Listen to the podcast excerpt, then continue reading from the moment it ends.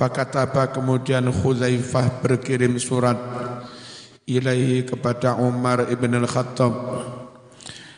Atas umu annaha haram? Hai Umar apa kamu mengira bahwa nikah Yahudi haram? Fa ukhalliya sabilaha sehingga aku harus melepasnya. Faqala ngucap sapa Umar la azu um annaha haram bukan aku menyangka bahwa nikah Yahudi haram bukan. Walakin tetapi akhafu an ta'atau al-mumisat minhunna. Akhafu saya khawatir an ta'atau kalian mendapatkan istri al-mumisat wanita-wanita pelacur minhunna dari kaum Yahudi Bukan aku mengharamkan karena Yahudinya, tapi karena di sana banyak perempuan pelacur. Jangan-jangan yang kamu nikah itu pelacur. Fadalla hadis ini menunjukkan ala anna Umar bahwasanya Umar ibn al-Khattab iku fa'ala nglakoni sapa Umar hadza ing iki-iki ngongkon pegatan Aja bubuk cahya lungguhe sing rapat. Niat ngaji tenan dirungokne aja langsung merem, timpet. Fadallah hadis ini menunjukkan ala anna Umar bahwasanya Umar ibn al-Khattab iku fa'ala melakukan sapa Umar. Lungguh aja diganggangi sing rapat lungguh nunggu rapat.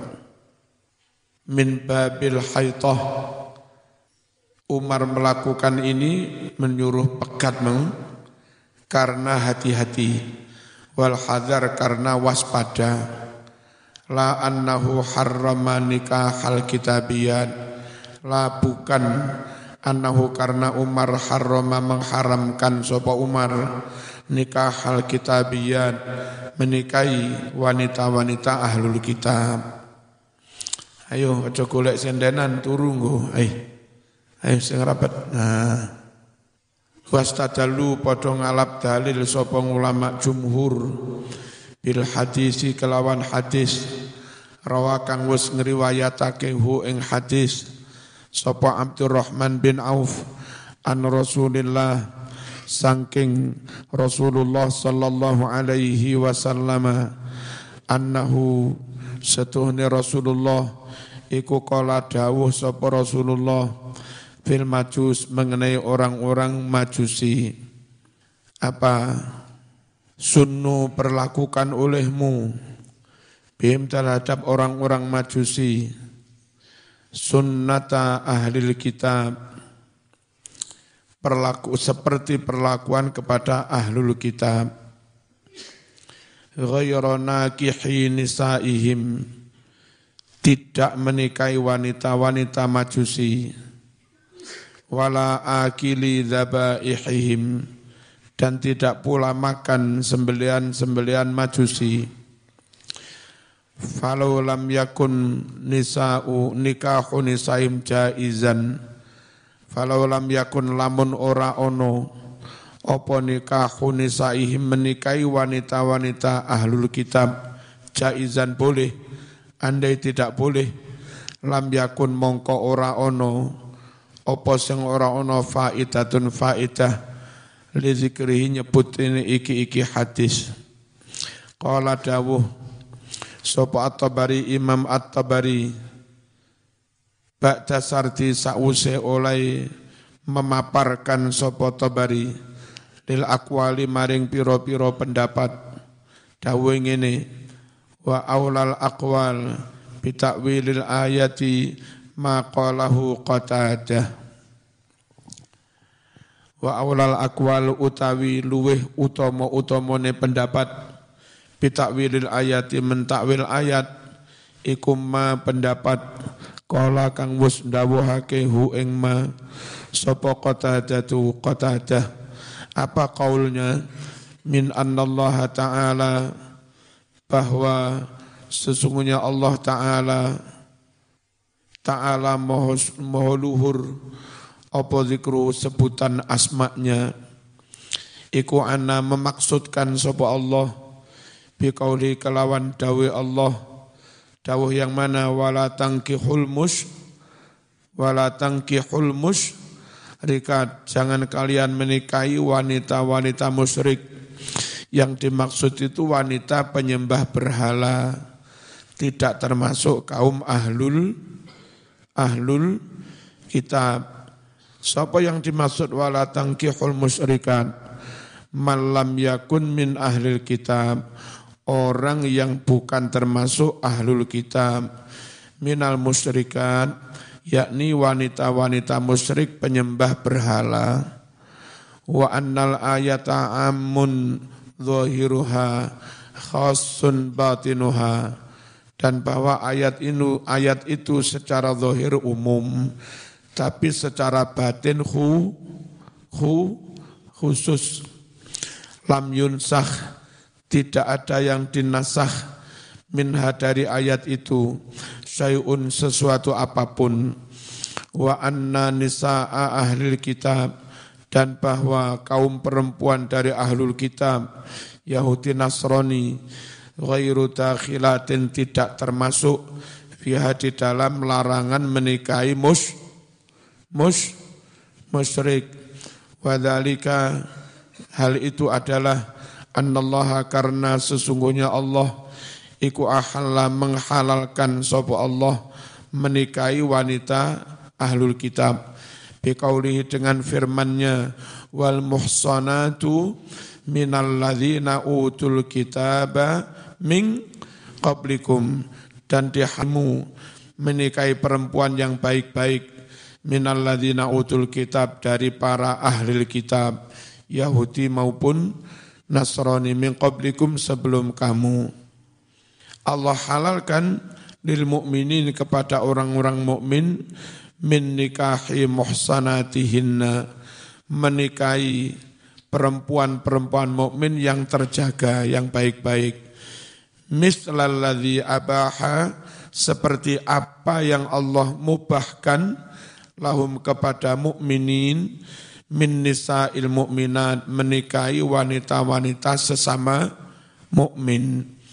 Wa qad ruya benar-benar diriwayatkan an Umar annahu qala bahwa Umar dawuh al muslim yatazawwajun nasraniyah laki-laki muslim boleh menikahi perempuan muslimah tapi wala yatazawwajun nasrani al muslimata si laki-laki Nasrani nggak boleh menikahi wanita mus wanita muslimah. Wa innama dzakarahu Umar. Sungguh Umar menyebutkan hal ini litolhah kepada oh wa innama sesungguhnya sebab kariha membenci nggak suka sopo Umaru Umar litolhah kepada Tolhah wa Hudzaifah enggak suka nikah al Yahudiyah wan Nasraniyah.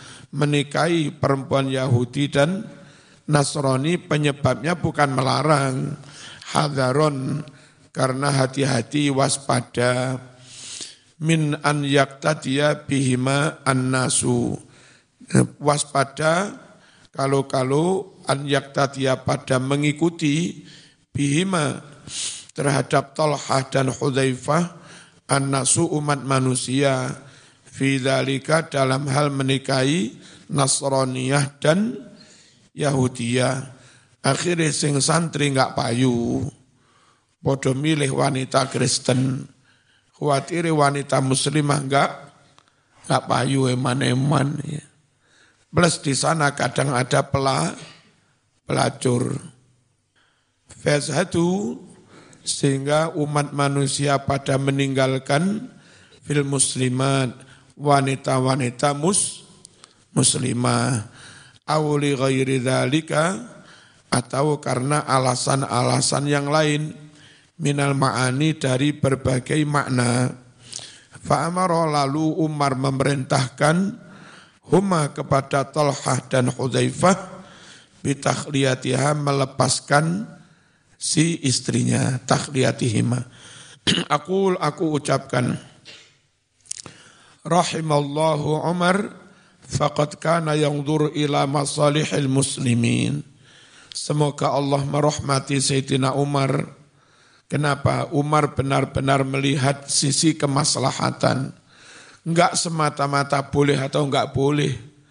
Tapi itu enggak maslahan. Engkau banyak perempuan muslimah tidak tidak laku. ya. Jadi wanita Kristen laris manis laki-laki Kristen menikahi wanita Kristen, laki-laki Muslim menikahi wanita Kristen, perempuan Muslimah siapa sing rapi? Laki-laki Nasrani nggak boleh menikahi perempuan Muslimah. Nah sementara laki-laki Muslim pun tidak menikahi perempuan Muslimah, nggak masalah.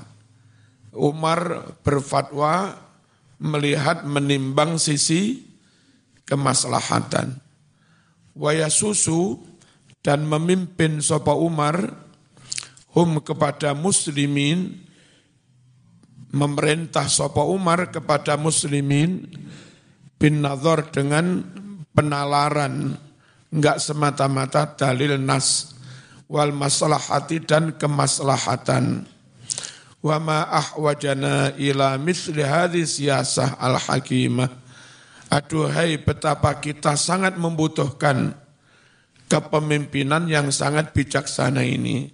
Kayak Indonesia, ulamanya enggak semata-mata merujuk pada dalil, tapi juga menimbang sisi kemas kemaslahatan. Ya, andai kita ngotot pakai dalil, uwus langsung tegakkan, tegakkan negara Islam, robek merah putih, buang Pancasila, akhirnya perang sau perang saudara ya.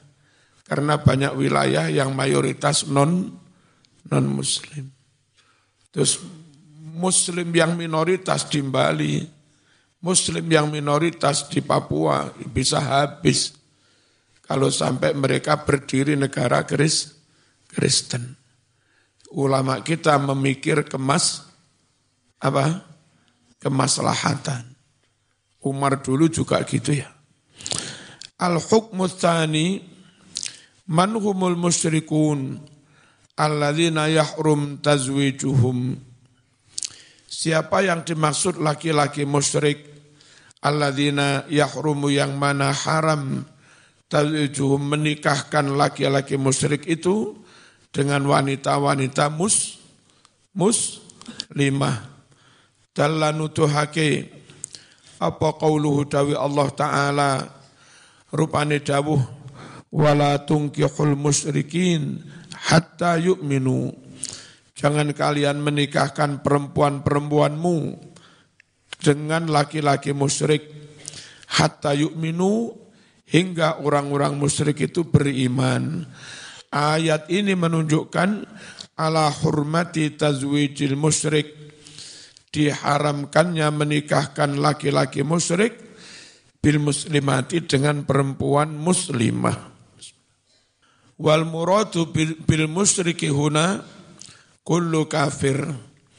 Yang dimaksud dengan istilah musyrik di sini adalah setiap non-muslim layadinu yang tidak memeluk bitinil Islam agama Islam. Fayashmalul wasaniyah jadi ayat istilah musyrik ini mencakup satu penyembah berhala, wal majusi laki-laki beragama majusi. Nggak boleh menikahi muslimah, wal yahudiyah dan laki-laki Yahudi. Ahlul kitab. Nggak boleh menikahi perempuan muslimah, wan nasrani laki-laki nasrani. Nggak boleh menikahi mus Lima, wal murtadda anil Islam. Dan orang yang sudah keluar dari agama Islam. Nggak boleh menikahi muslimah. Fakullu haula yahrumu tazwijuhum bil muslimah. Semua orang ini haram menikahkan mereka dengan wanita muslimah. Wala illatu fi dzalika illat penyebab diharamkannya hal itu adalah annal Islam ya'lu wa la yu'la alaih. Bahwa Islam itu lebih unggul, nggak boleh diungguli. Nah perempuan kan biasanya posisinya di bawah laki-laki. Kalau perempuan muslimah dinikahi non muslim, memposisikan Islam di bawah non Islam, nggak boleh. Al Islamu ya'lu wala yu'la alaih. Islam yang harus di atas, jangan di bawah. Falil muslim an yatazawwaja bil yahudiyah awin nasraniyah. Boleh bagi laki-laki muslim menikahi perempuan Yahudi maupun Nasrani. Walaisa lil Yahudi sedangkan tidak boleh bagi laki-laki Yahudi awin Nasrani atau yang Nasrani an yatazawwaja bil muslimah menikahi perempuan muslimah. Waqad bayyana al-bari jalla wa ala benar-benar Allah sang pencipta telah menjelaskan jalla Allah maha agung wa ala mahluhur Allah jelaskan as-sabab sebab bikoli dengan firmannya Kenapa enggak boleh? Ulaika yada'una ilan nar. Mereka-mereka yang non-muslim itu bahaya menikahi muslimah.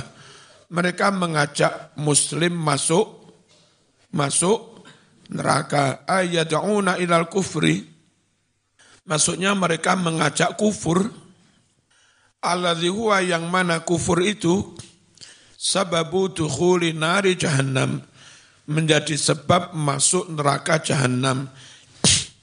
Farrajulu lahu sultatun wa wilayatun alal mar'ah. Laki-laki lahu dia mempunyai sultatun kekuasaan wa wilayatun sama kekuasaan alal mar'ah atas istrinya.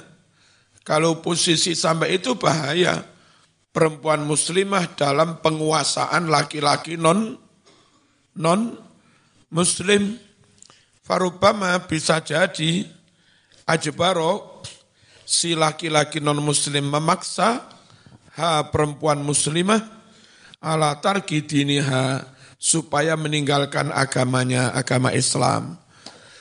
Wa hamliha dan mempengaruhinya ala antakfuro supaya si perempuan itu kufur bil Islam mengkufuri agama Islam Anak-anaknya ikut bapaknya, ya bahaya. bahaya. Wal aulatu yatba'unal ab, sedangkan anak-anak ikut bapak.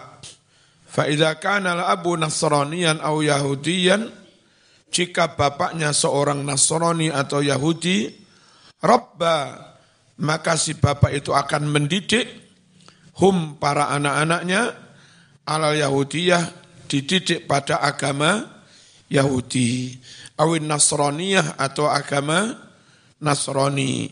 Fayasirul waladu min ahlin nar. Jadilah anak itu termasuk ahli ahli neraka. Itu yang istilah Quran yada'una ilan nar. Kok agak sing turu kok apa sih Mari tahajud telah apa zaman ini. Bocah SMP besok aja tahajud, saya didik tahajud. Cek kuat ngaji ya. Wa min nahiyatin ukhra dari sisi lain fa innal muslim yu'azzimu Musa wa Isa alaihi salam. Muslim itu menghormati Nabi Musa juga Nabi Isa alaihi salam. Nah Kristen tidak mengimani kanjeng Nabi Muhammad. Muhammad. Jadi kalau kita itu Muslim, mengimani Nabi Muhammad, otomatis mengimani Isa dan Musa. Kalau Yahudi atau Kristen mengimani Musa, mengimani Isa, tapi enggak mengimani Nabi Muhammad. Wa yu'min birisalatihima. Dan Muslim mengimani kerasulan Musa dan Isa. Wa ya'taqidu bitaurat wal Injil. Muslim meyakini kebenaran Taurat dan Injil alladzi anzalaha yang mana? Allati anzalah yang telah menurunkannya Allahu Allah. Wala yahmiluhu imanuhu ala izai zaujati karena muslim itu menghormati Musa menghormati Isa. Andai muslim menikahi wanita Nasrani muslim yang menikahi wanita Nasrani akan tetap menghormatinya. Karena menghormati nabinya yakni Nabi Isa. Wala yahmiluhu imanuhu. Iman seorang muslim tidak mendorongnya ala iza izaujatihi menyakiti istrinya yang beragama Yahudiyah au Nasraniyah. Masalah misalnya bisa babil akidah karena sebab akidah li'annahu yaltaqi ma'aha alal imani billah karena muslim itu akan bertemu dengan istrinya yang Yahudi Nasrani. Bertemu di titik mana? Sama-sama al imani billah. Mengimani Allah wa ta'zimi rusulih. Mengagungkan para rasulnya. Itu loh. Jadi kalau menikahi Yahudiyah Nasraniyah tidak menjadi sebab adanya KDRT kekerasan dalam rumah tangga karena muslim juga menghormati Isa dan Mu Musa. Lah kalau Kristen yang laki-laki enggak mengimani Nabi Muhammad Muhammad bisa-bisa menghina is istrinya yang mus yang mus muslimah itu ya. Dan dari sini dari kemarin saya tahu yang dimaksud Kristen Yahudi yang boleh dinikahi yang ortodok imannya kepada Allah. Itu Sama-sama iman kepada Allah. Ya. Kalimat itu. Ketemunya di mana? Sama-sama iman kepada Allah dan mengagungkan para rasulnya. Itu. Nah sekarang udah pada trinitas ya. Ya. Tidak lagi semata-mata amanu bil billah. Fala yakunu ikhtilafuddin sehingga tidaklah menjadi ikhtilafuddin perbedaan agama tidak menjadi sababan lil adha. Perbedaan agama tidak menjadi sebab menyakiti istrinya. Awil tidak atau zalim kepada istrinya. Bikhilafi khairil muslim, beda dengan non muslim. Ini yang dulu ketika NU membuat istilah Enggak harus diistilahkan kafir, istilahnya non muslim. Uh, dikritik habis-habisan NU. Padahal ulama Timur Tengah Arab sekelas Ali Asobuni. Kadang juga pakai istilah ghairil muslim, non muslim. Ya. Terus kalau zaman haji atau umroh, nanti ada persimpangan jalan masuk Mekah dan nyimpang yang lain ditulisi Torik Ghairil Muslim. Yang Wahabi lu tidak sampai menulisi Torikul Kafir. Eh? Jalur orang kafir enggak. Tapi diperhalus Torik Ghairil Muslim. Sana menuju Mekah Tarikil Muslim. Sana Tarik Ghairil Muslim. Nah begitu. Di Indonesia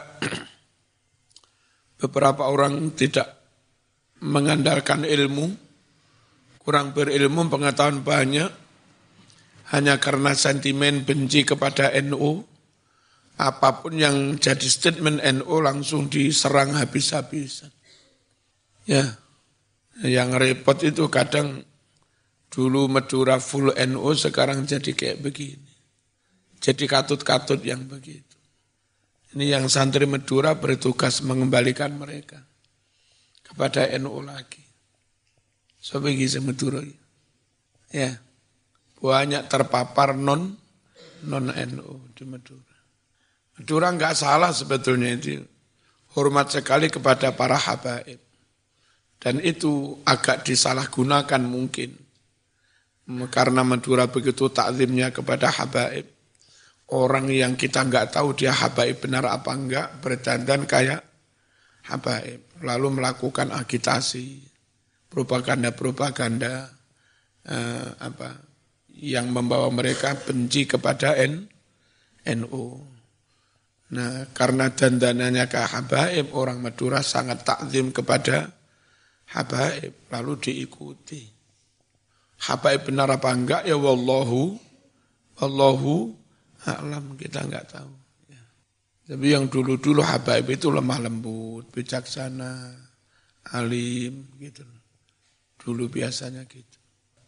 Bi khilafi ghairil muslim beda dengan non muslim alladzi la yu'minu bil Qur'an wala bi risalati nabiyina Muhammad sallallahu alaihi wasallam yang mana non muslim itu tidak mengimani Al-Qur'an tidak pula mengimani kerasulan Nabi Muhammad sallallahu alaihi wasallam fa inna adama imanihi.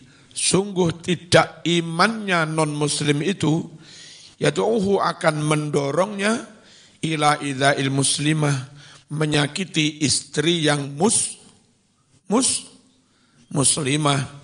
Wali istighfafi dan menghina bitiniha agama istrinya yang muslimah. Makanya enggak boleh.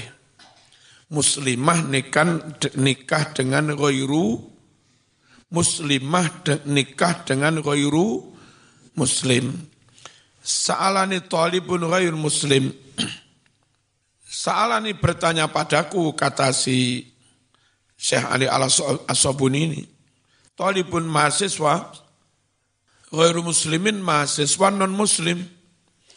Karena kalau hadara indi, si non-muslim itu ikut hadir padaku, darsatin, ikut mata kuliah agama, fi Madinati Halab, di kota Halab. Limadha yatazawwajul muslim bin nasraniyah wala yatazawwaju nasrani al-muslimah. Kenapa muslim boleh menikahi wanita Nasrani sedangkan laki-laki Nasrani enggak boleh menikahi mus muslimah? Yaksi itu ta'rid si dia itu nanya dengan maksud nyindir. Ya. Wal ghamzah mengejek. Bil muslimin kepada non muslim bi'annahum muta'assibun. Menyindir bahwa muslim itu fanatik. Ya ta'as ta'assub. Faqultu lahu. Lalu aku berkata kepada si mahasiswa non muslim itu nahnul muslimin nu'minu binabiyyikum kami kaum muslimin mengimani nabimu Nabi Isa wa kitabikum mengimani kitabmu Injil Fa'idha amantum binabiyina wa kitabina nuzawijukum min banatina. Kalau kamu juga mengimani Nabi Muhammad SAW dan mengimani kitab kami Al-Quran, oke. Okay. Kami menikahkan kamu dengan putri-putri kami. Ayo. Iman iman pora neng Nabi Muhammad. Hmm, karo Quran. Saiki sapa dia bae sing tahat sing ta'assub. Sopo tiba esing fana, fanatik lakon deh. Ya, geleme iman karu Injil tok, enggak iman karu Quran. Kalau kami iman pada Quran juga iman pada Injil. Ya, coba sing asuk. Faman minnal muta'asib. Ya, Faman siapa minna di antara kita al muta'asib yang yang fana fanatik fabuhital ladzi kafar. Fabuhita langsung bungkam, bingung alladzi orang kafar yang non muslim itu. Ma kesimpulan-kesimpulan turs itu yang menunjukkan ilahi kepadanya al ayatul karimah ayat-ayat yang mulia. Awalan yang pertama hormatuz zawad bil musyrikatil wasaniyah diharamkannya menikahi wanita musyrik al-wataniyah penyembah berhala.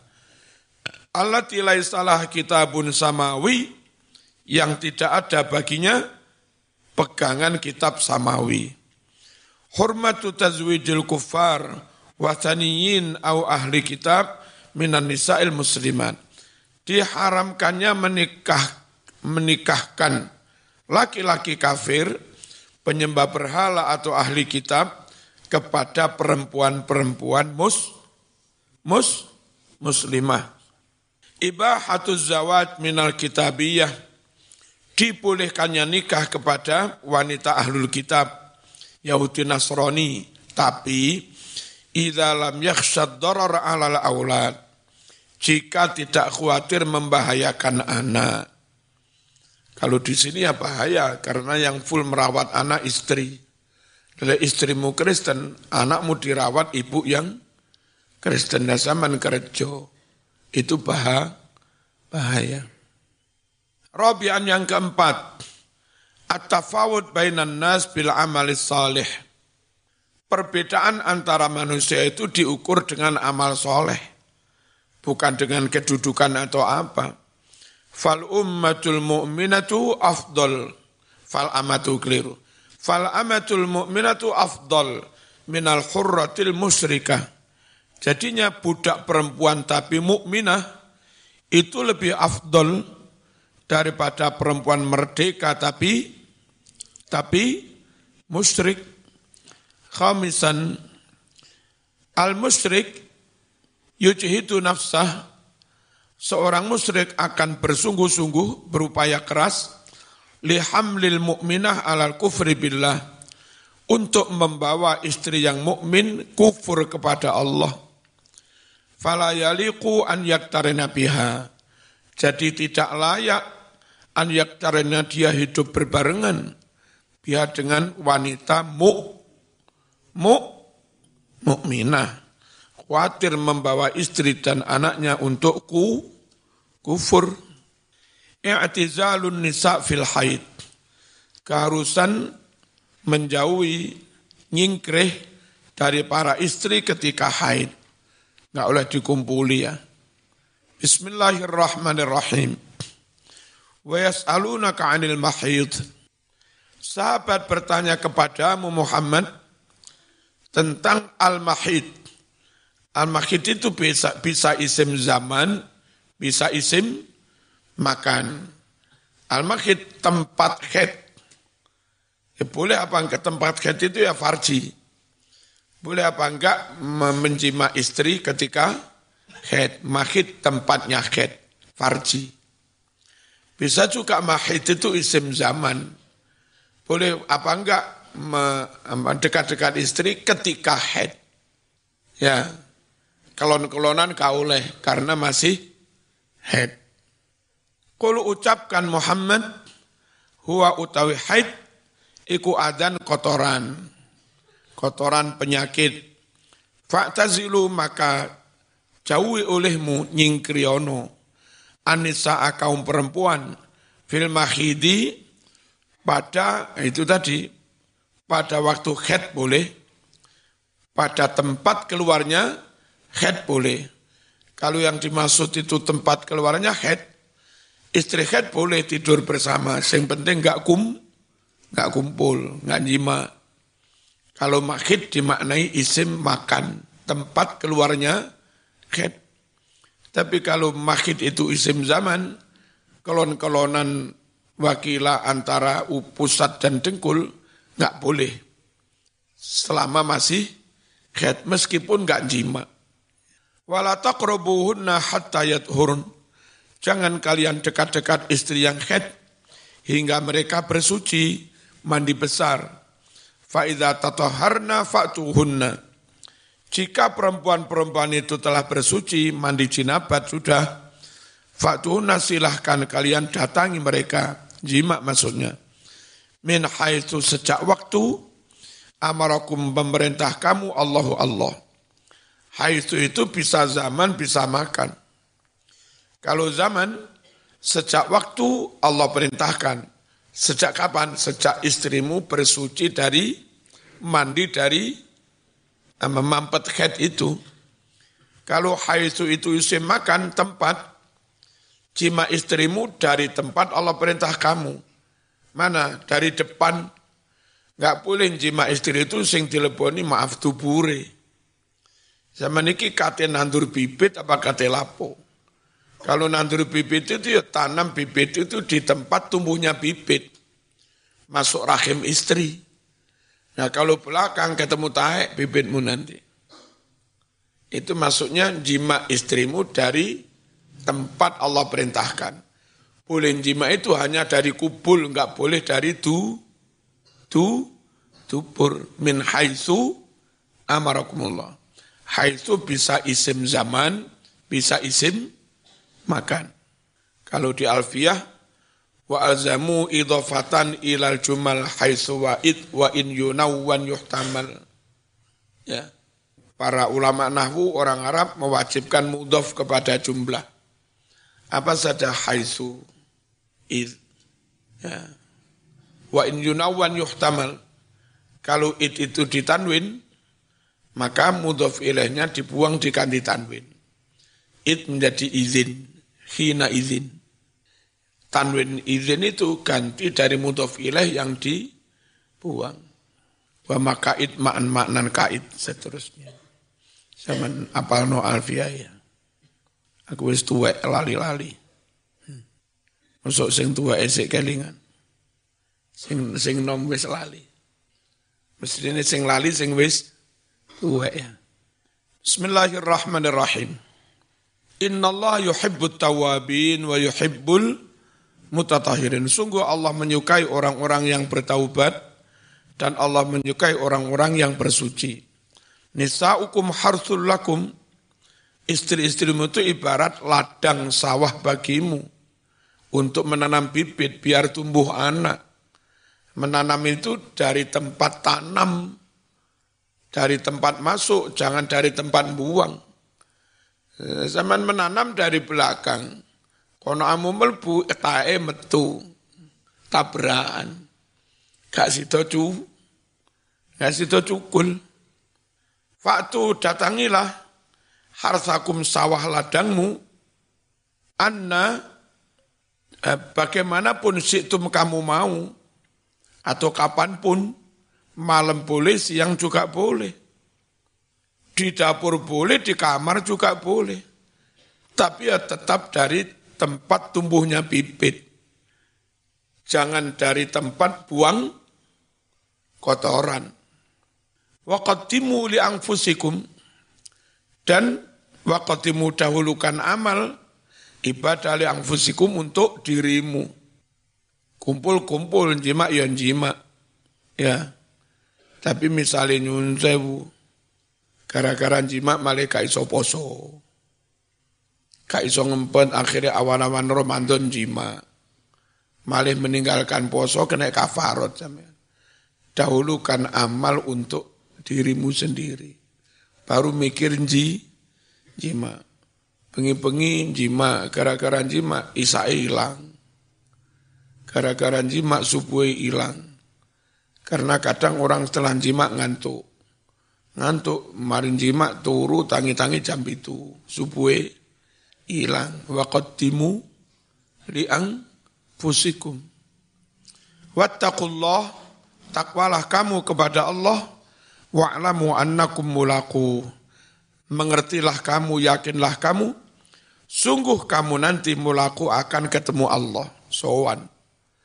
Apa? Dihisap, mempertanggungjawabkan amal perbuatan. Wa basyiril mu'minin. Hai Muhammad, basyir, sampaikan berita gembira al-mu'minin kepada orang-orang mukmin. Al-Fatihah.